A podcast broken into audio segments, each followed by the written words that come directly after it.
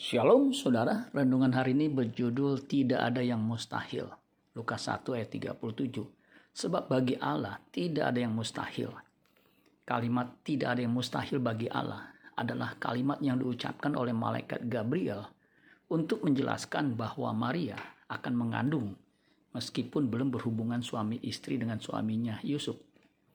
Di samping itu, kalimat ini juga menjelaskan mengapa Elizabeth yang mandul bisa hamil Adapun kalimat yang sama pernah disampaikan oleh Tuhan kepada Sarah yang juga mandul. Kejadian 18 ayat 14 sampai ayat 11 sampai 14. Adapun Abraham dan Sarah telah tua dan lanjut umurnya dan Sarah telah mati haid.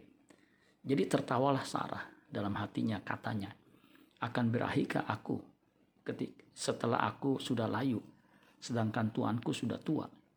Lalu berfirmanlah Tuhan kepada Abraham, Mengapakah Sarah tertawa dan berkata, Sungguhkah aku akan melahirkan anak, sedangkan aku telah tua? Adakah sesuatu apa pun yang mustahil untuk Tuhan? Pada, pada waktu yang telah ditetapkan itu, tahun depan aku akan kembali mendapatkan engkau. Pada waktu itulah Sarah mempunyai seorang anak laki-laki. Kalimat ini juga diucapkan dalam konteks seorang pem, seorang muda yang tidak bersedia menjual harta bendanya dan memberikannya kepada orang miskin lalu mengikut Yesus.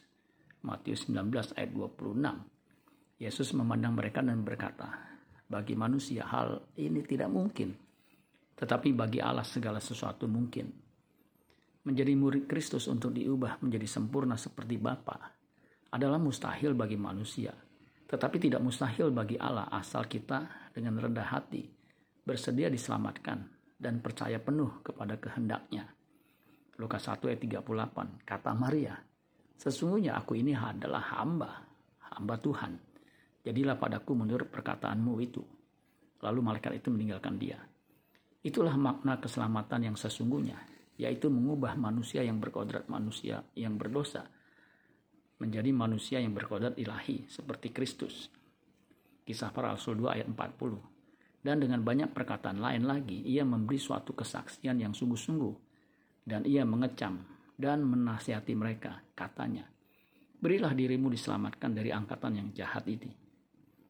Mari kita yang sudah diselamatkan mengucap syukur seperti yang dilakukan Maria. Lukas 1 ayat 46 sampai 49. Lalu kata Maria, jiwaku memuliakan Tuhan dan hatiku bergembira karena Allah juru selamatku. Sebab ia telah memperhatikan kerendahan hambanya Sesungguhnya mulai dari sekarang segala keturunan akan menyebut aku berbahagia karena yang maha kuasa telah melakukan perbuatan-perbuatan besar kepadaku dan namanya adalah kudus. Amin buat firman Tuhan. Tuhan Yesus memberkati.